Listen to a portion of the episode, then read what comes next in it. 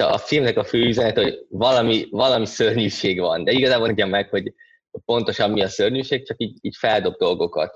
És nekem, és nagyon nehéz ilyen általánról beszélni, mert már majdnem egy ilyen átpolitizált diótómiába viszont most ez, ez jó vagy rossz, de valószínűleg egyik sem, hanem ilyen nagyon kis nüanszok döntik el, mikor jó, mi jó és miért jó, és akkor nekem csak ilyenek jöttek eszembe, hogy itt most mi, a, mi is, ha ez szól a, arról, hogy rossz, hogy kísérleteznek rajtunk, vagy az, hogy rossz célok, rosszak ezeknek a vállalatoknak a céljai, vagy rossz az, hogy nincsen felelősségük, vagy rossz az, hogy az emberek egy ilyen információs buborékban élnek, vagy rossz az, hogy addiktívak ezek a termékek, és valószínűleg minde, mindegyikre teljesen mást választ kell adni, és más ott mindegyik kérdésen belül, az addikción belül is megjelenik az, hogy mikortól addiktív, melyik része addiktív, melyik része nem addiktív, úgyhogy nagyon, nagyon sok irány lehet közelíteni, úgyhogy most én első, ez az első gondolatom, és akkor hagyom a Verának, hogy azt a részét fogja meg.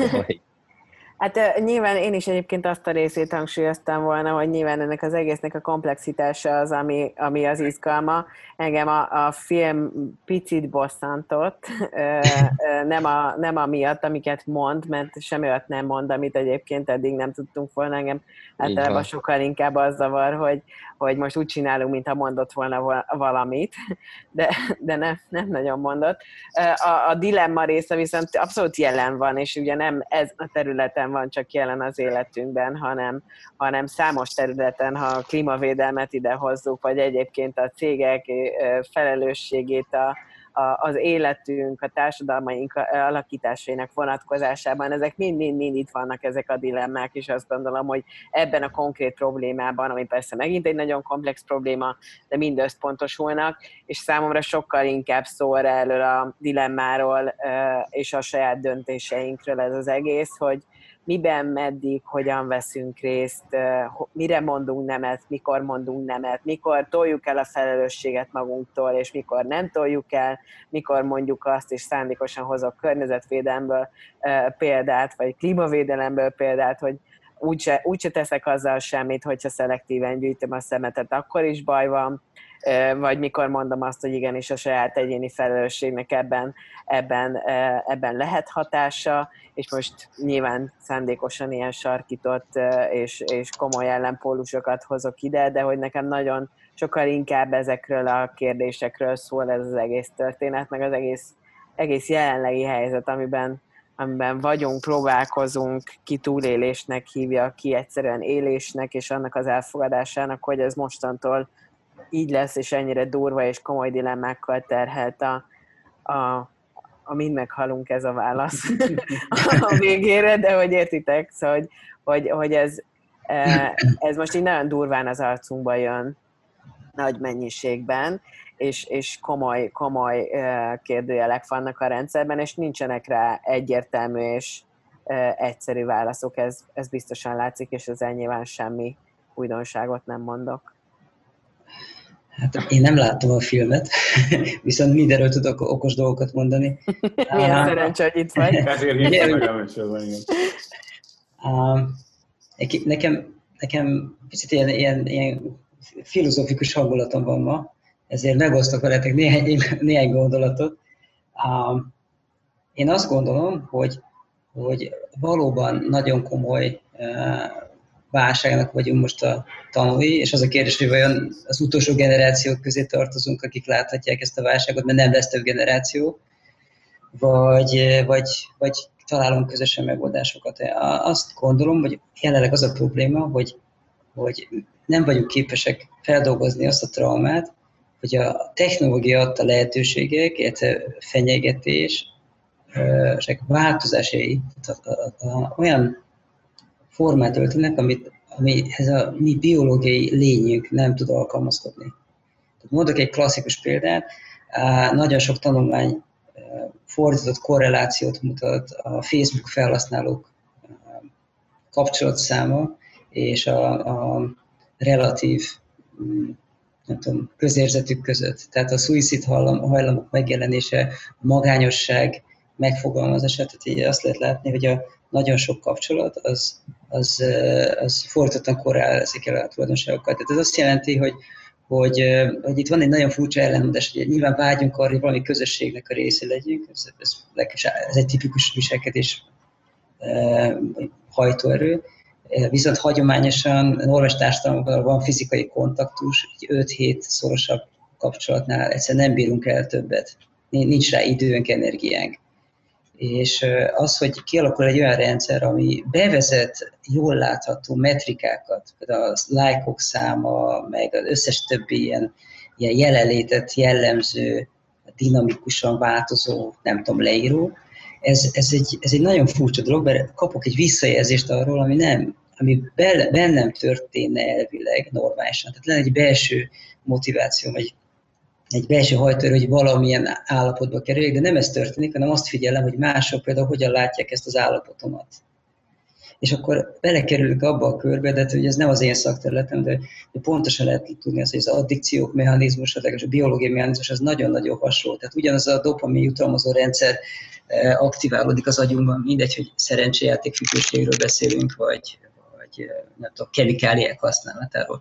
És a, ezek, a, ezek a mesterséges környezetek elképesztő könnyen tudnak egy ilyen nagyon hatékony jutalmazó rendszert kialakítani, annak, hogy bármi történne. És, és akkor belekerülünk abba, abba a körforgásba, hogy, hogy amit Almási Kitti úgy hív, hogy, hogy az szerep én, tehát amikor nem, ne, ne, nem, nem azt nézzük, hogy belülünk saját magunkban mi fakad, de mi, mi a mi saját személyiségünk, mi, mi, a, mi a, a mi igazi vágyunk, arra, hogy hová tartsunk, vagy mi az, ami, ami, ami az álmainkat megtestesíteni, hanem azt gondoljuk, elképzeljük, hogy mások mit gondolnak rólunk, és ennek a, ennek a képnek próbálunk megfelelni, és erre mindenki rá is erősít. És az a, tehát ez egy, ez, én azt gondolom, hogy ez, ez egy nagyon komoly mentális teher, ez is egyfajta, ez is egy vetület a manipulációknak. A másik pedig nyilván, amiről beszélünk, hogy profitorientált cégek hogyan tudnak hatékonyan élni a pszichológiai eszközeivel például. Viszont itt nekem van egy, lehet, hogy ezzel szembe megyek így a többséggel, de, de én azt gondolom, hogy, hogy mi megszoktuk azt, hogy manipulálnak minket, tehát alapvetően így közlünk üzeneteket. Hát az egész reklámpiacnak a lényege az, hogy valamilyen értelemben nem csak a faktuális, tehát nem csak a tényközlés szorítkozunk, hanem, hanem adunk az üzenet mellé egy kontextus, ami, ami, ami az attitűdünket valamilyen irányba el tudja terelni. Tehát ezzel önmagában nincsen probléma. Akkor van probléma, hogyha nem vagyunk tudatában azzal, hogy minket manipulálnak. Tehát, hogy nem kapcsolódnak be a természetes szűrőreflexeink, akkor lehet probléma. És van még egy, még egy probléma, az, hogy, hogy a, ellentétben egy csomó emlős állattal, mi a tudásunk az zömében szociális kölcsönhatások révén szerezzük, tehát tanulunk. És valójában, amikor tanulunk, akkor is, a, ahogy átveszünk tudást, az valami fajta bizalmi kapcsolatra épül, elhisszük, hogy a tanár az jót mond, de nem ellenőrizzük. Tehát ez azt jelenti, hogy lényegében mindenki úgy nő fő, hogy folyamatosan torzított véleményekkel találkozik, és nem is mindig tiszta, hogy a vélemény és a tény között hol van a határvonal, viszont elkezdett, hogy több ilyen különböző torzított véleménnyel találkozunk, és ha kicsit intelligensek vagyunk, akkor ütköztetni tudjuk ezeket a gondolatokat, és kialakul a saját nézőpontunk. Most viszont egy darab tudásanyánk van, a Google tehát az a, ha bármilyen információ torzítva megjelenik az interneten, akkor az végig söpör, és mindenki azt teszi magáével. E, egy példát hadd említsek, csak az, hogy én is beleesem ezekbe a csapdákba. A, a, korábban én is hivatkoztam egy, egy valamire, amire azt hittem, hogy tény, tehát amikor arra, arra próbáltam meggyőzni hallgatóimat, hogy nézzenek utána annak, amit tanulnak.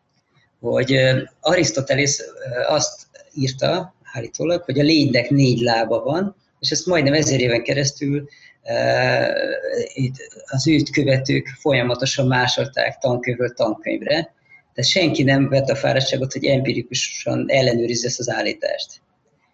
És most viszont utána néztem, és kiderült, hogy szegény Arisztotelész nem mondott ilyet, ő a mozgásról beszélt, és egy speciális légyfajról mesélt, amelyiknek az első két lába átalakult fogókkal rá, hogy a, a hím, a nőstény tudja tartani párzás közben. Tehát funkciósan nézve Arisztotelesznek igaza volt, annak a légynek négy lába volt, mert négy lába járt. És én simán beleestem ebbe a csapdába, nem néztem utána pontosan, és ezt a példát hoztam annak az érdek az alátámasztására, hogy mindenki legyen kritikus a forrásokat illetően. A technológiában, online terekben rejlő lehetőségek sokszor a függőség és a polarizálódás kockázatának árnyékában tűnnek fel, erről szólt a nemrég megjelent Social Dilemma című film is. Új adásunkban körbejárjuk, hogy ezek a rémek vajon mindent beárnyékolnak, hogy eljöhet-e még a technológiai bizalom kora. Társadalmi felelősségünk tudatában hogyan szálazzuk szét a digitalizáció melléktermékeit és az ipar hatásait. Mit kezdjünk ezekkel a melléktermékekkel, és hogyan nézhet neki a technológia előnyei és hátrányai között kialakuló új, jövőbe mutató egyensúly. Vendégeinkkel arra vállalkozunk, hogy új fényt vetünk erre a hihetetlenül sok tényezős, bonyolult egyenletre, illetve hogy segítsünk színányalatokban látni egy sok indulatot kiváltó, sokszor fekete-fehéren megjelenő témában. Én láttam a filmet, én a Verával nagyon együttérzek, együttérzek abban, hogy engem is iszonyatosan dühített a film. És egyébként főleg azért, de valahogy ezzel elérte a hatását, mert most erről beszélgetünk, hogy, hogy ő beszélt, a film alapvető vezérfonal a volt, vagy legalábbis ez, ez volt az egyik legfontosabb tétele, és a film maga is rendkívül manipulatívan adta ezt elő, mind hanghatásokban, mind vágástechnikában, mindenben. Plusz egy olyan felületen van, amit milliók néznek és fizetnek érte. Tehát, hogy a, gyakorlatilag önmagáról, önmagáról beszélve készített egy dokumentumot önmagáról a Netflix, illetve a készítők. Ugye ez csak az én véleményem. A, Gábor, ez nagyon nagyon-nagyon mélyen szántól, meg nagyon sok léteget fölkaptál. Én, én egy kicsit visszavinném oda, és ebben egyébként a Barnabás szeretném segítségül hívni, hogy azt nézzük már meg, hogy a felelősség kérdése az nyilván fölmerült szerintem sok mindenkiben, meg, meg bennem is, meg mindenkiben, aki, aki ezeket a felületeket akár használja, akár fejleszti, akár létrehozza, hogy, hogy akkor, amikor ezek a rendszerek nem csak a Facebookról szeretnék beszélni, bármelyik olyan social media eszközről, de akár alkalmazásról, tök mindegy, platformról, amikor ezeket fejleszik, akkor vajon van-e ott valaki, aki ennek a lehetséges következményeit vizsgálja? Van-e ott olyan típusú kontroll, ami, ami esetleg azt figyeli, hogy ennek milyen társadalmi következményei vannak, az egyére milyen hatással van. Hát valahol, valahol kiegyensúlyozható-e a két törekvés, hogy akkor ebből nyilván pénz kell, ahogy a Gábor mondja, hogy pénzt csinál, meg, meg az, hogy az emberek mondjuk ne utuljanak bele, vagy ne torzuljon az információ. Szóval hogy ez, ez valahol ott, ott van a mélyben, vagy csak szeretnénk ezt tenni, hogy ez így van? Nem biztos, hogy jól értem a kérdést, amikor azt mondod, hogy valahol ott van a mélyben, úgy érted, hogy mondjuk azt, a Facebook... Van-e van, arra személy, akinek az a feladata, hogy... Egész pontosan, vagy csapat, vagy van-e ilyen vezérel, vagy ilyen guideline, vagy akármi, mert hogy ne beszélgessünk úgy erről, hogy, hogy mint hogyha nem lenne, ha van. Tehát hogy ezért lenne jó tudni. Ennek nem vagyok a szakértője, de én úgy sejtem, vagy azt hiszem, hogy a nagy cégeknél vannak, vannak erre dedikált emberek már. Az egy másik kérdés, hogy ez egy PR megfontolása részükről, mert egyszerűen a Social Dilemma film előtt is már ez egy, ez egy téma volt, főleg mondjuk ott a, a Silicon völgy vagy azok, akik így képbe voltak vele, hogy ti is mondtátok, ez nem egy új dolog. Tehát erre valamilyen választ kellett adniuk, ami, amire az egy természetes válasz, hogy létrehoz mitiket, meg embereket, akik így ezzel foglalkoznak belül, azt már nem tudom, hogy ezek mennyire, mennyire hatékonyak. Egyáltalán fontos, az biztos, hogy fontos, hogy foglalkozzanak vele, és foglalkozunk vele, és azt gondolom, hogy ezekben a cégekben emberek dolgoznak. Lehet, hogy a cégek létrehoztak olyan ökoszisztémákat, ami rossz, de ott dolgozó emberekettől nem lesznek rosszak, ott a legtöbben jóra törekszenek. Tehát azt szeretokról gondolni legalább, hogy jók, ezért ők nem akarnak rosszat csinálni, tehát ő, ők is amikor gondolkoznak ezekről a termékekről, alapvetően nem szeretnék, tehát szerintem amendén gondolkoznak, hogy ez, egy, ez jó lesz az, amit értéket fognak teremteni az embereknek. Dr. Szászi Barnabás egy interdiszipliniáris viselkedésváltoztatás kutató csapatot vezet az eltén, valamint ezzel párhuzamosan több állami intézménynél, NGO-nál és nemzetközi cégnél dolgozik viselkedésváltoztató projekteken. Korábban közgazdász és pszichológus diplomát is szerzett, majd döntéskutatásból PhD-zett, miközben kutatott a Columbia, Oklahoma és Princeton egyetemeken is. Egyébként csak egy kis kiegészítés, hogy hogy igen, az egyik probléma az, hogy valóban nagyon nehéz a hatását modellezni ezeknek a komplex rendszereknek. Ugye annak idején, amikor a, Google elindult, ugye a PageRank algoritmussal, az csak egy egyszerű, hatékony információ extrakciós keresőrendszer volt, és a fene se gondolta volna, hogy mondjuk tizenakárhány évvel később a, a világ, tehát a teljes világ digitális reklám bevételeinek a harmada fele az a Facebookon és a Google-on keresztül megy be. Tehát ez, ez, ez tehát van az az állapot, amivel tudok, amire tudok rezonálni, hogy az ember algoritmust fejleszt egy laborban az egyetemen, és így gondolkodik egy fehér táblán, és nem, nem látom azt a lépést, hogy írtan ebből az lesz egy, egy konglomerátum, ami a félvilágot uralja. Szirtes Gábor jelenleg az Ott van NRT mesterséges intelligencia üzletek kutatási igazgatója. Korábban az Egyesült Államokban, Németországban és itthon az eltén foglalkozott különböző agyi funkciók, például látás, emlékezet és navigáció számítógépes modellezésével. 2012 óta mesterséges intelligenciára épülő üzleti megoldásokat készít különböző iparágakban aktív partnerek számára. Játékelméleti alapon nagyon nehéz olyat elképzelni, hogy egy cégen belül legyen egy csoport, amelyik folyamatosan azt mondja, hogy hú, nagyon szépek ezek a víziók, de szerintünk árt a környezetnek. Ezért van az, hogy a normálisabb rendszerekben külső kontrollokat alkalmaznak. Tehát a demokratikus rendszereknek is ez a lényege, hogy a törvényeknek a szellem és nem a betűje fontos, és a, a, az, hogy, hogy hogy a hatalmat hogyan lehet kívülről kontrollálni, ez egy, ez egy nagyon izgalmas keresés, ugyanezek a játékok, ennek mondok egy példát, Hollandiában a, van egy, egy, egy független versenyhivatal, a, ami például olyat is csinál, ezt már pár évvel ezelőtt bevezették, hogy amikor kampányolnak a politikai pártok, akkor minden pártnak bekérik a kampányanyagait, és konkrétan kiszámolják, hogy milyen következményekkel járna, hogyha a adott párt politikáját megvalósítanák. És amikor csak befenyítettek azzal, hogy ez lesz a következő évtől kezdve, onnan kezdve megváltozott a kampányok stílusa, elkezdtek sokkal szolidabban dobálózni a számokkal. Ez egy külső kontroll ha az emberek tudnák, hogy mi lesz a következménye, akkor nem biztos, hogy belevágnának, de ezt azért nagyon ritkán tudjuk pontosan meghatározni, hogy mi lesz a vége.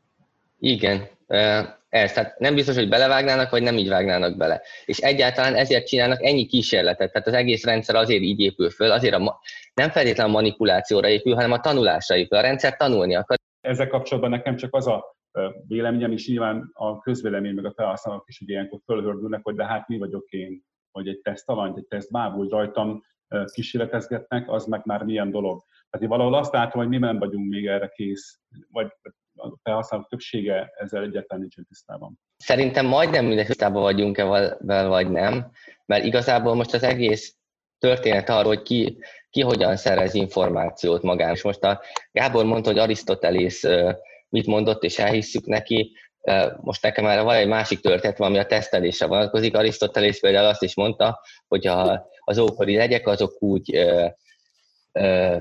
úgy szap, azok teljesen csak maguktól szaporodnak. Tehát ott van a fekál, és akkor egyszer csak így maguktól elke, elkezdenek belőle létezni. És ez több mint 1500 éven keresztül szintén elhitték, amíg 1500-as években azt hiszem egy, egy kutató ki nem találta, hogy, hogy ő ezt most leteszteli, és elkezdte, hogy az információ, tehát ugyanígy valamilyen tesztből, randomizálásból jusson információhoz, és leírta részesen, hogy hogyan csinált fekália golyó, a receptét tehát pontosan, és akkor csinált két üveget, ami egyikben a fekália golyók voltak, és lezárta, a másikba pedig nem volt lezárva, és csak abban lettek végül legyek, amelyik nem volt lezárva, és akkor levonta a következtetés, hogy a résznek nincsen igaza.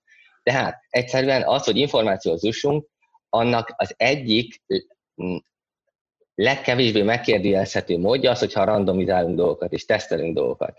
Ezzel ellen nem tudunk mit csinálni. Tehát ez egy hatékony az információ szerzésnek.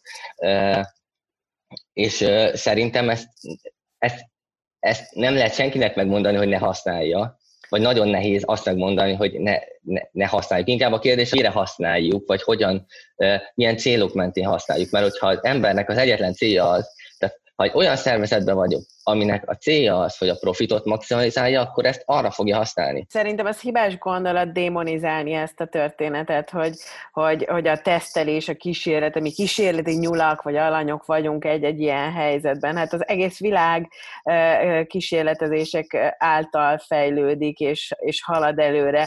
Megnézik, hogy egy dolog működik, az üzlet maga így működik. Tehát, hogy kipróbálom, hogy mit mondanak a fogyasztóim, tehát a, nem csak a szoftveripar működik így, hanem egy sajtkereskedés is így működik a nap végén. Kiderül, hogy azt a sajtot valaki jobban szerette, mint a másikat, és elkezdek abból többet venni. Tehát, hogy ez, ez a nap végén, szerintem ezt ne démonizáljuk ezt a helyzetet, itt sokkal inkább nyilván a szándékok játszanak szerepet, és a szándékoknak van egyébként például jelentősége abban, hogy, hogy, hogy felfogom-e egyébként minek mi a hatása, és még ebben is, ez még az üzletben is nagyon sokszor tényleg csak a tapasztalat vezet oda, hogy, hogy tudjuk azt, hogy valaminek mi lesz a következménye. Tényleg, amit az elején mondtunk, ha ezek mind megtervezhető helyzetek lennének, valószínűleg nem így mennénk, vagy nem így csinálnak, bár egyébként még akkor is lehet, mert valakinek szándékkal az lenne a célja, hogy ehhez a helyzethez vigye közelebb a dolgot.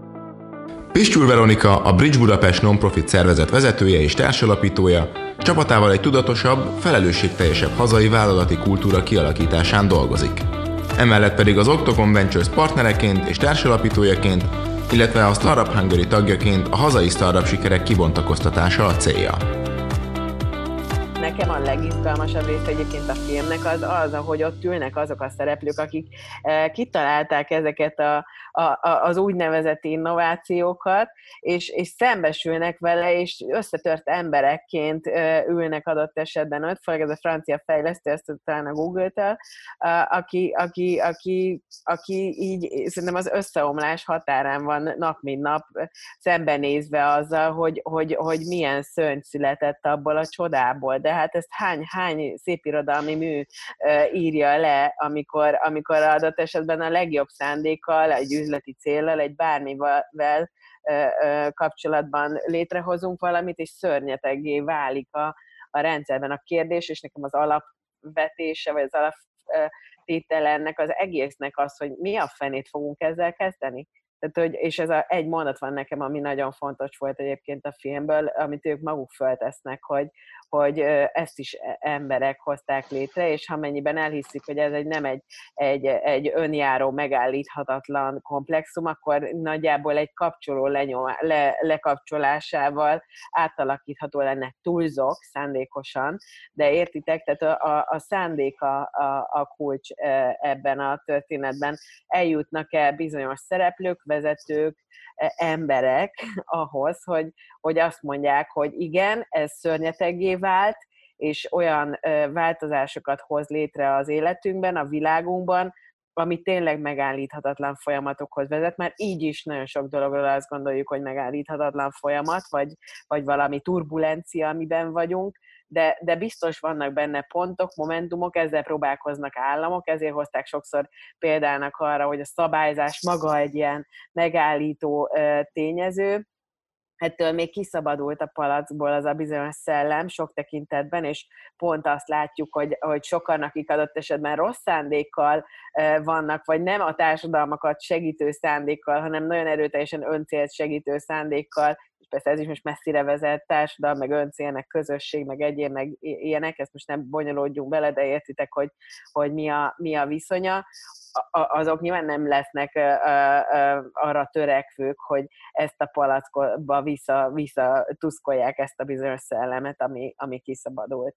Szóval ez, ez, a, ez az alapvető dilemma, ez az alapvető kihívás. Ugye mi pont ezzel foglalkozunk az egész üzleti közegben, hogy, hogy megtaláljuk-e és tudjuk-e érzékenyíteni a vezetőket arra, hogy értsék, éljék azt a felelősséget, amivel ők egyébként rendszerek működtetéséért felelősséget vállalnak, vagy amiben beleállnak azért adott esetben, hogy pénzt keressenek, de ma már látjuk, hogy önmagában ez, ez ezen mindig túlmutat. Tehát, hogyha csak a magyar számokat nézzük meg, hogy nem tudom, 4,2 millió ember dolgozik a munkaerőpiacon, a 70%-ot cégekben teszi, akkor ez irgalmatlan erő annak meghatározására, hogy csak a mi országunk, és ez persze megint leválaszthatatlan a nagy egészről, de ha ha ilyen rendszereket veszünk alapul, tehát azt látjuk, hogy irgalmatlan felelősség ma a cégeket építeni.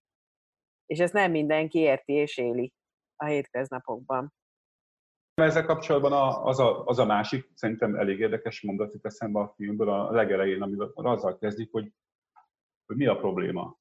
Amikor fölteszik ezt a kérdést a általad is említett szakembereknek, és ott ülnek, ezt főleg Gábornak mondom, aki nem látta, és, és így meg sem tudják fogalmazni hirtelen, hogy, hogy ezzel az egész jelenséggel, amiről most mi is beszélünk, hogy elszabadult, a, kiszabadult a szellem, és hogy elszabadult, és egy szörnyet csináltunk, és most megint elkezdtünk, elkezdtem megint én is démonizálni, vagy nem tudom, tehát elkezdtük megint valahogy ilyen negatív színben feltüntetni, de az biztos, hogy a, azoknak a rendszereknek, amikről most beszélünk, olyan elképesztő határokon átívelő, sok-sok millió embert megmozgató hatása van, aminek azért korábban nem volt ez az elmúlt 10 év, nem tudom, 15 év hatása, illetve eredménye.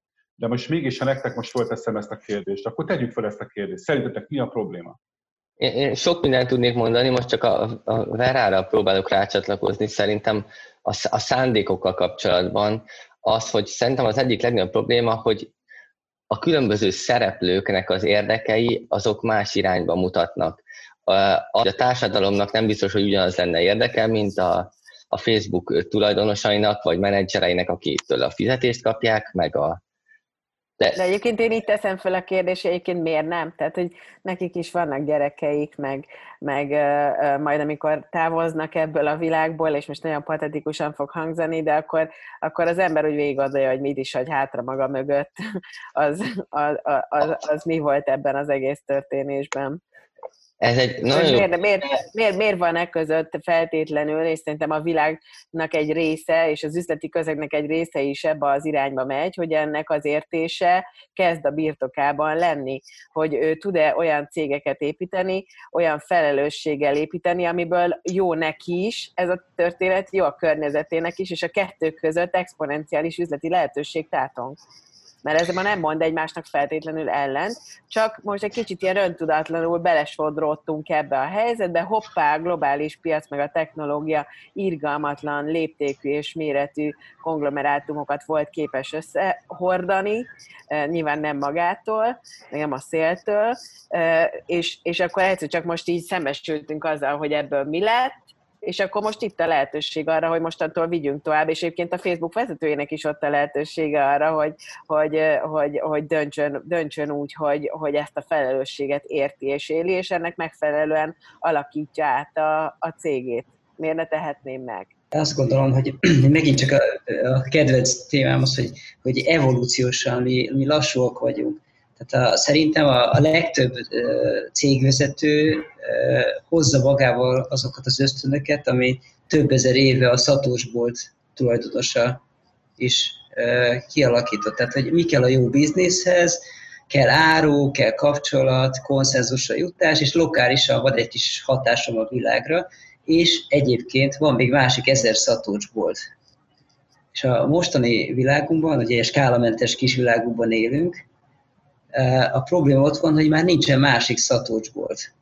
És e, itt jön az a kérdés, hogy igen, elvileg, tehát persze, mint ilyen mentális konstrukció, értem, hogy fölfoghatná valaki azt, hogy, hogy az ő tevékenységének milyen globális hatása van a világra, csak nagyon nehéz ezt meglépni. Például kitalált, hogy az egész kriptobányászat és a bitcoin és a, a, a ilyen jegybankoktól független pénz gondolata, egy nagyon szép gondolat, ki a fene gondolta volna, hogy a kriptobányászat hatása az, az számszerűsíthető a klímaváltozásban. Tehát, a, a, tehát olyan mennyiségű energiát fogyasztunk erre, erre a hülyeségre, tehát miközben a szándék az teljesen nemes volt. Mert a szatúcsboltnak a térfogata az hirtelen az nem az az egy falu, hanem, hanem egy a földgolyó lett. Uh-huh. És ezt nagyon nehéz belátni. És amikor az ember elindul, akkor építkezik. És a másik az, hogy, hogy ugyanez, hogy, hogy amit, a, amit Barnabás mondott, hogy, hogy kinek mi a szándék. Ez megint egy játékelmeti kérdésé tudjuk tulajdonképpen sokszor így egyszerűen ezeket a problémákat, hogy egy irányban nézünk, vagy sem. Csak a probléma, te azt mondod, hogy miért ne lehetne, hogy a Facebook vezetője és fölismeri, mert az a gond, hogy nehéz megfogalmazni, hogy mi lenne az a jó irány. Tehát nem, nem csak az, hogy Igen. Az világos, de szerintem ezek törekvések is tudnak lenni. Tehát, hogy, hogy ez pont az a, az a történet, amiben ha a, a lerakunk bizonyos alapvetéseket a rendszerbe, tehát, hogy alapvetően arra törekszem, és tudom, hogy ettől még kisodródhat a rendszer, és a legjobb szándékkal, hiszen ezt a példát hoztad, okozunk egy másik krízist, vagy egy másik katasztrófát, de ha közben erre rájövünk, és megtörténik, akkor legalább törekvést helyezhetünk a rendszerben arra, hogy valamiféle egyensúlyt, vagy ellensúlyt tudjunk képezni. És én most mondok neked példát, más típusút, hogy üzleti szereplőknek a felelőssége ma hogy mutat mégis abba az irányba, hogy attól még egyre többen értik ma a világon, és akár Amerikában ott van a B Corporation mozgalom, ami lehet, hogy még csak 5000 cég a világ különböző pontjairól, ugye úgynevezett benefit organization ként definiálják magukat, vagy ott, ami vállalható üzleti kultúráért közösségünk több mint ezer céggel, ami semmi többet nem mond, mint hogy ebben olyan cégek vannak, akik arra törekszenek, hogy odafigyelnek a munkavállalóikra, az üzleti partnereikre, a pénzügyeikre és a saját integritásukra. Ettől még választhatnak nem megfelelő tevékenységet, vagy által még belecsúszhat maga az üzleti tevékenység sok minden másba, de legalább benne van a rendszerben egy olyan törekvés, ami, ami megpróbálja egy picit ellensúlyozni ezeket a dolgokat. Ezek a cégek nem morális kérdést csinálnak egyébként mindebből, hanem azt érzékelik, hogy az alapvetően üzleti érdekük, hogy így működjenek, és ha megnézzük például csak a magyar adatokat, és a mi ezer cégünk adatai, például árbevétel, foglalkoztatottság vagy negatív információ arányban, akkor mindegyik szempontból jobban teljesítenek, mint az átlag.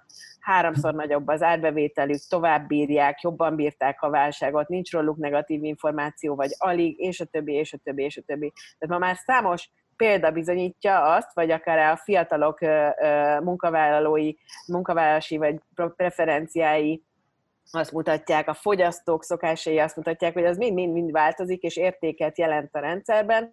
Ha valaki elkezd olyan típusú tevékenységet, üzleti tevékenységet űzni, amiből látszik, és nem csak PR oldalon, de látszik konkrétan, hogy nem feltétlenül árt a világnak azzal, legalábbis az a törekvése, és szerintem már sokszor azt a törekvést önmagában is értékeli a munkavállalói és akár a vásárlói közeg is, hogy ez a törekvés benne van-e a rendszerben. És ezt tudom, és hangsúlyozom, hogy még mi nagyon-nagyon szűk réteg, és a világ minden részén ez egy nagyon pici rész, de azért az jól látszik, hogy a, a, a Big Four szereplők közül is sokan, akik egyébként meghatározzák sok tekintetben az üzleti döntéshozók gondolkodását, vagy hatással vannak rá, vagy befolyásuk van erre a gondolkodásra, elkezdtek ebbe az irányba menni. A Deloitte-nak kijött nem olyan régen a Social Enterprise nagy riportja az idei év nagy megfejtéseivel, hogy milyen, milyen felelősségek, milyen gondolkodások, milyen törekvések kell, hogy legyenek a rendszerben ahhoz, hogy valaki lépést tudjon tartani munkavállalói oldalon is, és,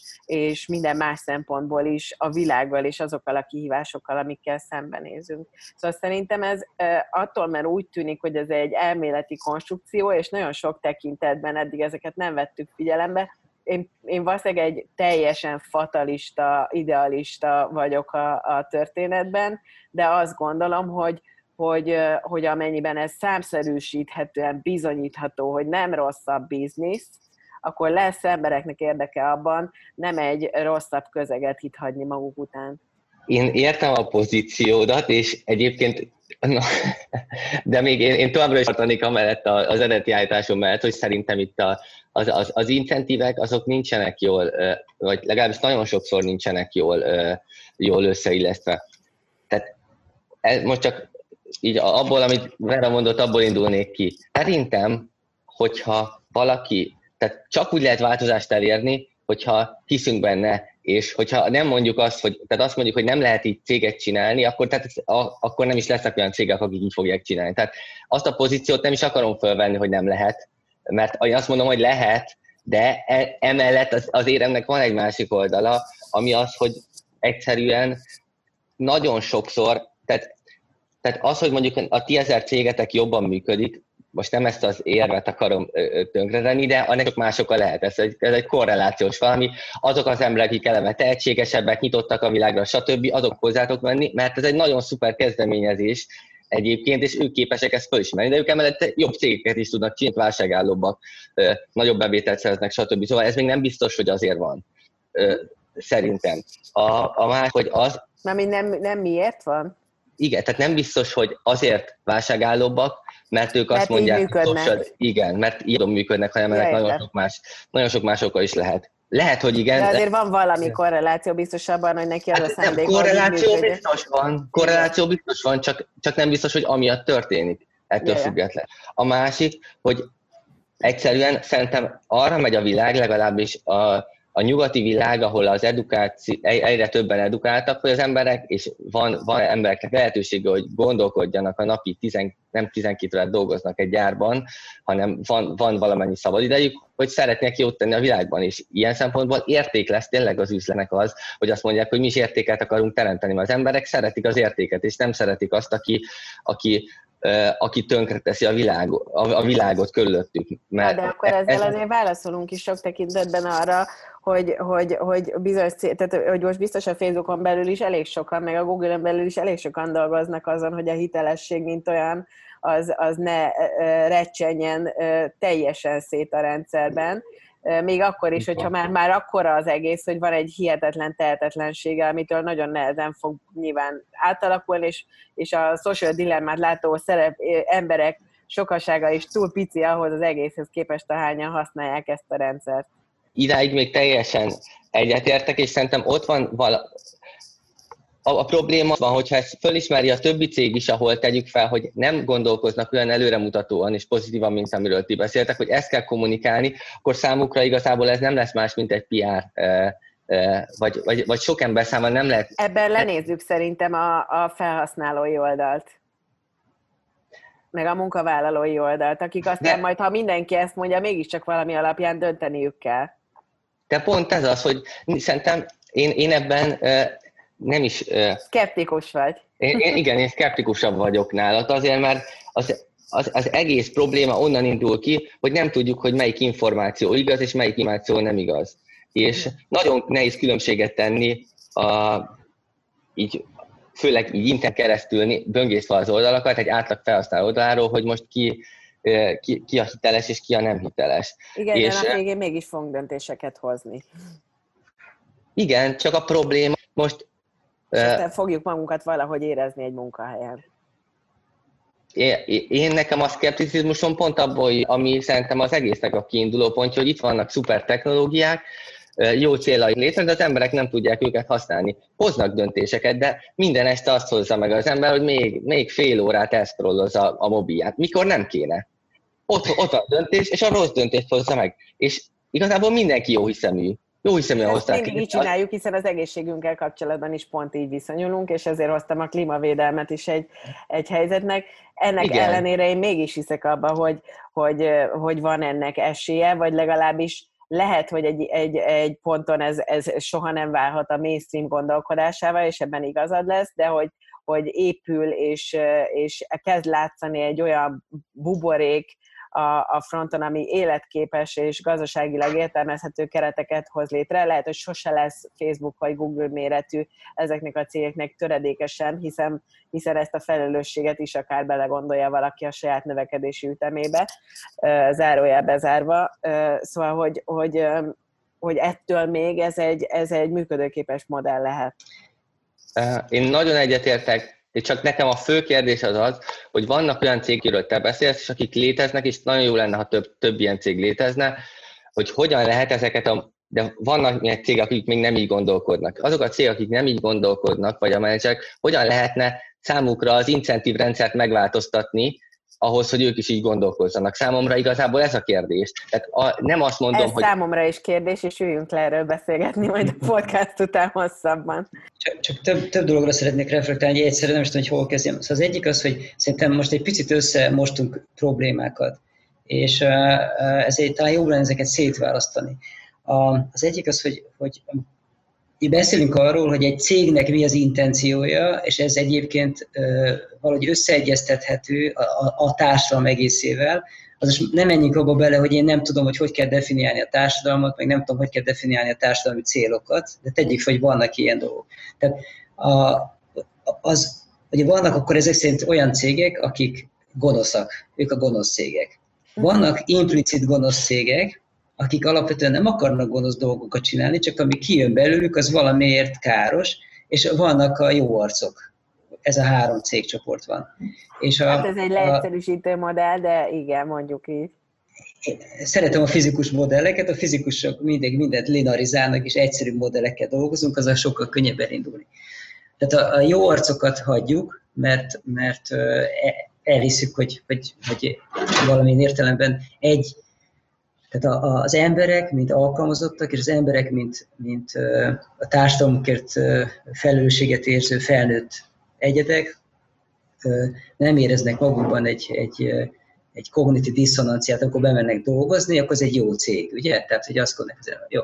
Most a, a, a nagyon rossz cégeket hagyjuk, mert a, a, mit tudom, a, például a kábítószer kereskedelem, ugye ez a, a ilyen high risk, high payoff típusú üzleti vállalkozás, tehát ez egy, ez egy másik kategória, és a kettő között ugye az a, az a szürke zóna az, ami érdekes. Hát például a, a Google, mint olyan, az egy, ugye az igazából ez egy óriási konglomerátum, és elképesztően klassz dolgokat csinálnak.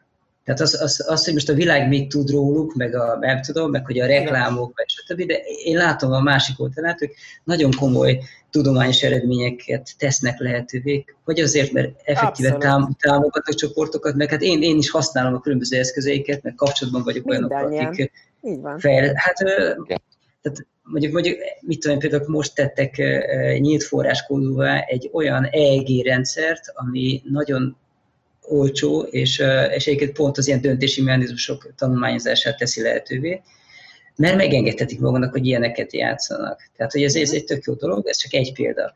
A, tehát, a, tehát a Google-ben van egy csomó jó dolog, nem, nem a, a céggel van problémám, hanem te egy, oda kellene visszatérni, amit az előbb Barnabás elkezdett mondani, hogy, hogy honnan tudjuk az információ hiteles vagy sem. Tehát az a kérdés, hogy hogyan használjuk azokat az eszközöket, amit letesznek elénk az asztalra. Na, és akkor itt jön egy pontos különbség a, a rossz arcok, meg a jó arcok között.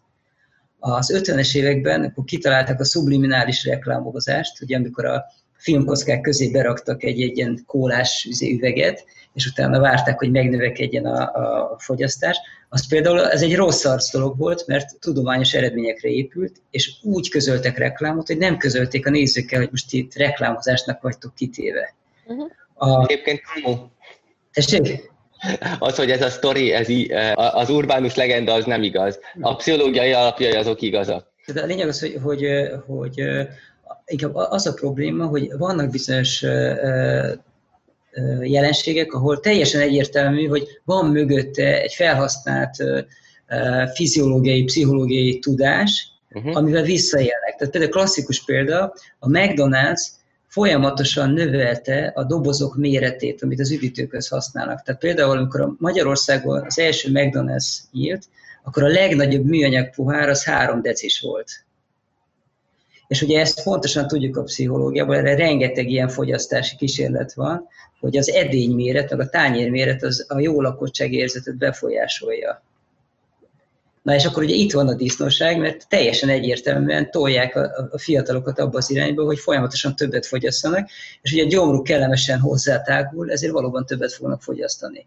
És ugye a tudatos fogyasztói magatartást ki lehet alakítani, de nem biztos, hogy 12 éves korban. És persze e, ez is olyan, hogy szándékkérdése, mert lehet ellen dolgozni. Én a, a UCSF-en dolgoztam, az a, a San Francisco, van az a, a Kaliforniai Szövetségi Egyetemnek az egyik egyeteme, és ott van a, mit tudom, a világ egyik legjobb gyerekkorháza.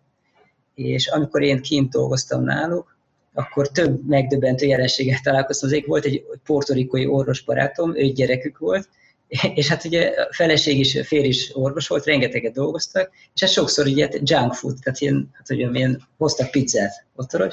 Egyszer azzal jött be a srác a, a laborba, hogy, hogy a, a fia közölte, hogy ő nem veszik többet ilyen vaszkot. És akkor kérdezte, hogy hát ezt most hogy érti? Mert az iskolában arról tanultak, hogy mennyire egészségtelen ez, és hogy ugyanabból a pénzből akár főzhetnének otthon. És közben azt is lehet tudni, hogy például a bevándorlóknál az a tendencia, hogy körülbelül 4-5 évig képesek tartani az otthoni kultúrájukat, tehát például addig főznek, és utána fölveszik az amerikai tempót, és elkezdenek vásárolni. Tehát nem leszoknak a főzésről, és leszoknak az otthoni ízekről. És tehát, hogy van azért van egy ilyen ellentendencia, de ugyanakkor, amikor én kint jártam, akkor hallottam életemben először azt, hogy egy konferencián az elhízásról, mint járványról beszéltek. hogy ez azért nagyon szép, mert ezzel át lehet hárítani a felelősséget. A járvány az valami fölöttem álló jelenség. Zseniális. Tehát, és ez azért jó, mert gyerekké lehet tenni a felnőtteket. Nem kell döntést hozni, nem vagyunk felelősek az egyéni sorsunk, hiszen járvány van, könyörgöm. De ez ami, az összes példa, amit mondasz, az, abban a szándék a, a, a kulcsmotívum mégiscsak. Tehát, hogy van, aki tudja, hogy, hogy ezzel a, felhasználva akár a tudományos hátteret hozzá, ezt fogja elérni, vagy nem tudta, és ugye ezt szerintem távol álljon tőlünk, egy, egyikünk se azt állította, hogy itt ezek a cégek, akikről a social dilemma szól, ezek gonosz, veleig romlott emberek, sőt egyáltalán nem, én pont ezért fogalmaztam így, hogy, hogy itt született egy csoda, azért az a legnagyobb drámája nekem a, a filmnek is, meg ennek az egész gondolatnak, hogy ott voltak csodálatos emberek, akik fantasztikus dolgokat a, a, hoztak létre, és kiszabadult a szellem. A pontosan amiatt a, a, amiatt a tudatosság hiány miatt, ami a felhasználói oldalon adott esetben jelentkezik. A, én azt gondolom, hogy például a Facebook esetében sokkal többször tetten érhető az, hogy, hogy olyan típusú manipulációkat alkalmaznak, amelyek valóban nem feltétlenül jó indulatok, tehát, tehát nem igaz az, hogy a közösséget szolgálják. Uh-huh. És, és ez viszont szerintem megfogható lenne, csak hogy ez is egy olyan probléma, hogy a társadalmi ítélőképessége, meg a jog, jogalkotás, az sokkal lassabban fejlődik, tehát egyszerűen kullogunk bizonyos jelenségek után, és esély sincs arra, hogy valamilyen társadalmi norma szerint viselkedést el lehessen várni. Mert nem tudjuk megfogalmazni, mit szeretnénk. És egyébként szerintem egy pont az a megközelítés mondható, hogy nem tudjuk, mi a társadalmi jó. Ez így Igen. van. De, nem, de azt tudjuk, és a film is azt sorolja, hogy mi minden rossz. Tehát, hogy, hogy sokszor ez fordítva, tehát arról már lassan kezd lenni egy konszenzus, hogy az elhízás nem jó, hogy, a, hogy azok a függőségek, amiket a rendszer kialakított, az nem jó. Tehát, hogy lehet, hogy nem tudunk megmondani, és nincs egy konszenzusos jó, de tudunk mondani, és abban egyre, egyre, egyre egyértelműbbé válik a konszenzus abban, hogy mi a rossz. És innen is csak... le, levezethetnénk egyébként akár a szabályzási oldalát, akár a felelősség oldalát, akár a szándék oldalát, akár azt az oldalt, hogy mi mindent lehetne tenni akkor, ha már bizonyos dolgokról legalább tudjuk, hogy mi rossz. És egyébként még biztos még mindig ezer millió dologról nem tudjuk, hogy még mi rossz, és milyen hatása lesz, mert nagyon nagy része kiszámíthatatlan tényleg. Vagy hiszem olyan, olyan, olyan, olyan nem tudom, komplex gondolkodású, tudású szereplőnek kell lenni, ami, ami majd egy gép lesz egyszer, és nem mi. Mm-hmm. Egyik, igen, tehát az biztos, hogy minél komplexebb a rendszerek, minél több fajta költségvetés lehetséges, annál nehezebb modellezni ezeknek a hosszú távú hatásait. Ezért van az, hogy én azt gondolom, hogy a, ez az egészet sokkal könnyebb lenne kezelni ezeket a problémákat a másik oldalról. Tehát, hogy vigyem össze... Tudatosság oldaláról a felhasználó Ez így van. Ez így van én szerintem pont a munkavállalói meg a fogyasztói oldal is követelheti ki azt egyébként, hogy, hogy a cégeknek kelljen változni és változtatni, azzal párhuzamosan, hogy az ő edukációjuk is egyébként valakinek a felelőssége lesz. Nem biztos, hogy a cégeké kizárólag, sőt, azt hiszem, hogy itt a mondatot mindannyian be tudjuk fejezni, hogy ez adott esetben kinek lenne a felelőssége, és kinek van ebben érdeke, vagy szándéka, vagy kinek nincs. Én szerintem a tudatosságban nem teljesen értek veletek egyet.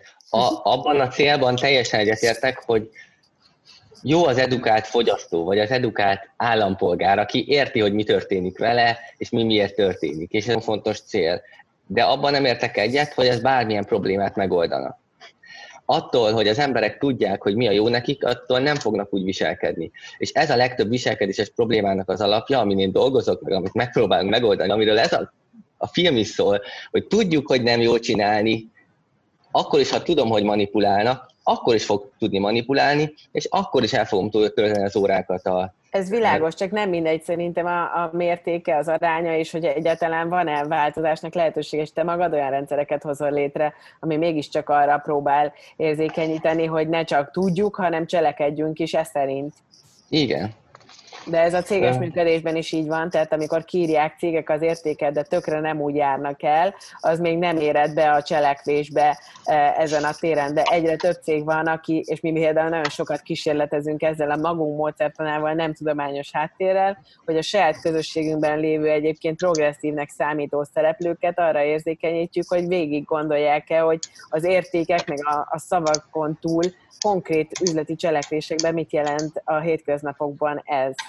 mert ezekből aztán, mint ahogy tudjuk, iszonyú sokan tanulunk példákból, ezek a példák aztán be tudnak épülni a, a rendszerbe, meg működésekbe jó példákként, jó gyakorlatokként, és én ezekben tökre hiszek, hogy ennek aztán van hatása és van változása már a következő döntéseinknél. De, de az érdekes, amit Barnabás mondta, hogy, hogy a, a, ez egy, igen, ez egy fontos distinkció, hogy az, hogy, az, hogy tudunk valamit, vagy az, hogy ez, ez, a, ez a tudás ez a saját incentív jeinkkel találkozik, a, be, tehát a belső hajtóerőinkkel, az, az, az nem, nem, nem ugyanaz. És, és az például egy kérdés, hogy, hogy ezek a sublim, subliminális üzenetek vajon mennyire jönnek át a cégem. Tehát ugyanez, hogy persze PR, PR oldalon mondhatok bármit, és a viselkedésem látszólag szinkronban van azokkal a, az elvárásokkal, amit, a, amit tudatosan meg tudok fogalmazni, mint jó. Tehát ez valamilyen ilyen értéket tudok társítani, de közben, közben a háttérben valami más, más működik.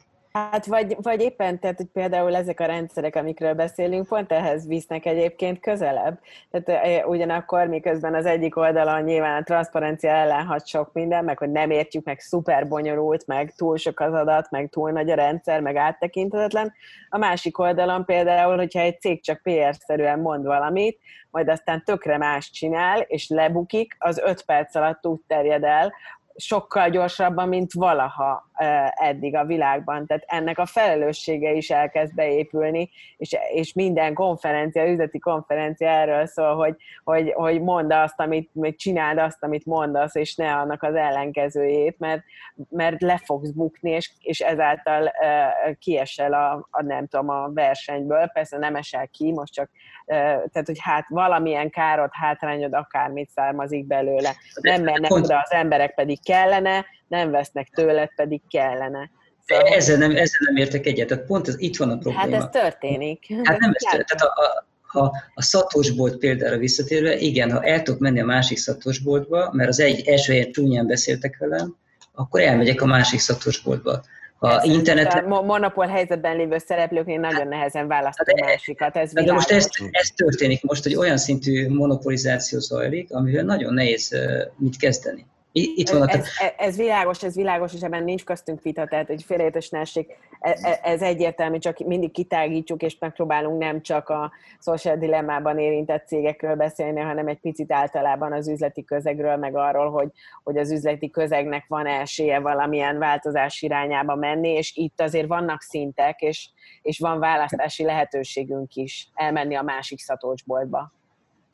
Hmm akár kis skálán is meg lehet nézni, hogyha ha például a magyarországi üzleti vállalkozásokat mondjuk így bevétel szerint így rangsorolnánk, utána megnéznénk azt, hogy ténylegesen hány alkalmazottja van ezeknek a cégeknek, akkor ilyen nagyon érdekes számok alakulnak ki. Az derül neki, hogy akik ténylegesen foglalkoztatottak, nagyon kevesen vannak azokban a cégekben, amelyek mondjuk a magyar GDP-nek a fölszívják a 20-30-80 százalékát. Nem akarok politizálni, csak hogy csak lássuk azt a valóságot, hogy, hogy persze, amikor kiírnak egy állami tendert, akkor a szomszédbácsi Kft. is indulhat nyilván, mert neki is van egy ilyen úthengere, de szerintem nem ő fog nyerni. Ne, nekem van uh, így két gondolatom, de ez ilyen, ilyen zárószónak jók, hogyha most adnak minket cégvezetők, vagy olyanok, akik ilyenben dolgoznak, akkor ezt kivételen állom.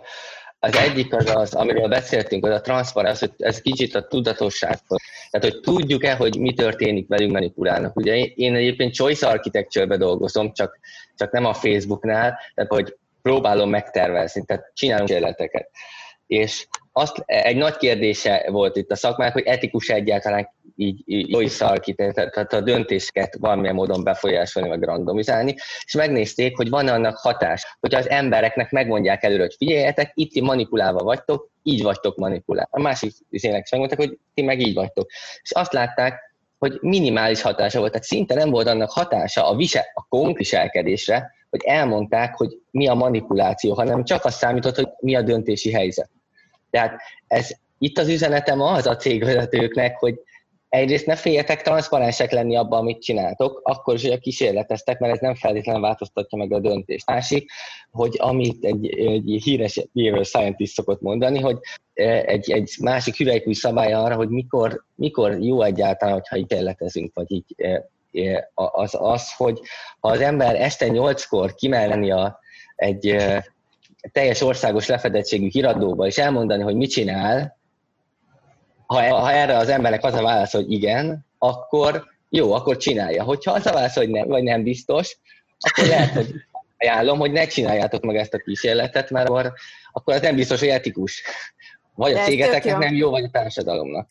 Szerintem ez tök jó, én ugyanezt akartam mondani, de akkor még valamit mondasz Barnabás ehhez. Hogy nem, nem, nem, tudom, igazából ez, eh, igazából ez volt a két gondolat. Én azt gondoltam, hogy ez banális lenne kijelenteni a részemről így záró gondolatként, hogy, hogy én tényleg azt gondolom, hogy, hogy egészen más közérzetű és más minőségű világban élnénk, hogyha a vezetők csak néha rögzítenék azt, hogy, hogy, hogy, hogy minek mi lehet a hatása és következménye, és tényleg értenék, hogy, hogy cégeket vezetni az nem izé, az nem játszótér. Tehát, hogy ott, ott annak, annak húsvér valósága és következményei vannak napi szinten, és nem, és nem mindig, és nem csak azokra gondolok, akik a saját cégeiket viszik, hanem azokra is, akik egyébként alkalmazotti pozícióból válnak vezetőké, és én annak örülök, és szerencsére én olyan buborékban élek, ahol egyre több olyan vezetőt látok, aki, aki érti ennek a felelősségét, és érti ennek a jelentőségét, és ha mindenki tényleg csak a saját házatáján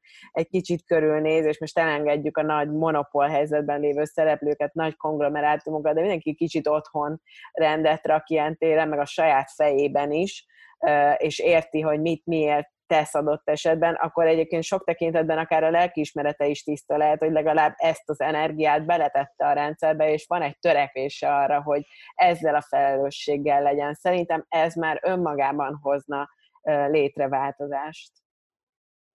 Gábor, esetleg még valami hozzáfűzni való. Ne kezdjetek újabb vitába, mert az már nem fér bele. Nem, nem. Akart, akarsz pedig vitát. Látom a személy, látom a személy, de nem lehet. Nem, nem, nem kell, hogy tényleg pozitív kicsengés, hogy, hogy a, most egy kicsit így a, a, az elő megjegyzésekre megint visszautalva, hogy én meg azt hangsúlyozom, hogy a másik oldal sem tehetetlen. Tehát a, amit most így, így mondhatok, hogy igenis el lehet kezdeni változásokat, meg a vezetőket lehet tudatosságra, meg transzparenciára rávenni, meg etikus viselkedés felé terelni, mert hogy az, az a közjónak is jó. Hogy a másik oldalon is, amit mondhatok az előbb, hogy igenis az alkalmazottaknak is van választása, és a fogyasztóknak is van választása. Amit, tehát azt gondolom, hogy, hogy ha el tudjuk fogadni azt, hogy mi nem porszemek vagyunk, hanem mi mind alkotó részei vagyunk a társadalomnak, a közösségünknek, akkor, akkor a másik oldalon is elkezdett, hogy tényleg együttesen olyan erőket tudunk felmutatni, amivel kontrollálni lehet az akár nem előre látott rossz folyamatokat. Tehát megint csak nem arról van hogy a cégeket szeretném megfogni, vagy büntetni, mert ennek semmi értelme nincsen, mert akkor lesz egy másik új technológia, amit ugyanúgy nem értünk, és ugyanúgy kell hozzá tíz év, hogy megértsük, hanem inkább az, hogy, hogy az a, abba az irányba lehetne terelni mondjuk az oktatást, hogy mindenki olyan tudatosan álljon hozzá az új technológiák befogadásához, hogy legyen egy kritikus szemüvege és, és akkor, akkor talán, talán nagyobb lesz a védettségünk, és nem kell rombolni.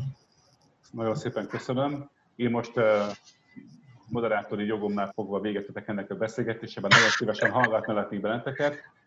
Gábor, Barnabás és Vera, nagyon szépen köszönöm, hogy itt voltatok, meg, meg beszélgetetek és tágítottátok a, a hallgatóság agyát és szerintem mudatvilágát azokkal a dolgokkal, amiket elmondtatok majd remélem valahol valamilyen formában tudjuk ezt folytatni. Mi biztos folytatjuk a Barnabással. De biztos, hogy Köszönöm szépen még egyszer. Köszönöm, hogy itt lettem veletek. Én is köszönöm. Én is köszönöm. Sziasztok. Ez volt a Digitalk, az IVS podcast sorozatának legfrissebb kiadása. Ha mindent tudni akarsz a digitális gazdaságról, az innovációról és a legújabb technológiákról, akkor kövesd a műsort az IVS platformjain. A műsorral kapcsolatos észrevételeket, ötleteket a digitalk.ivs.hu e-mail címen várjuk. Hamarosan újra találkozunk.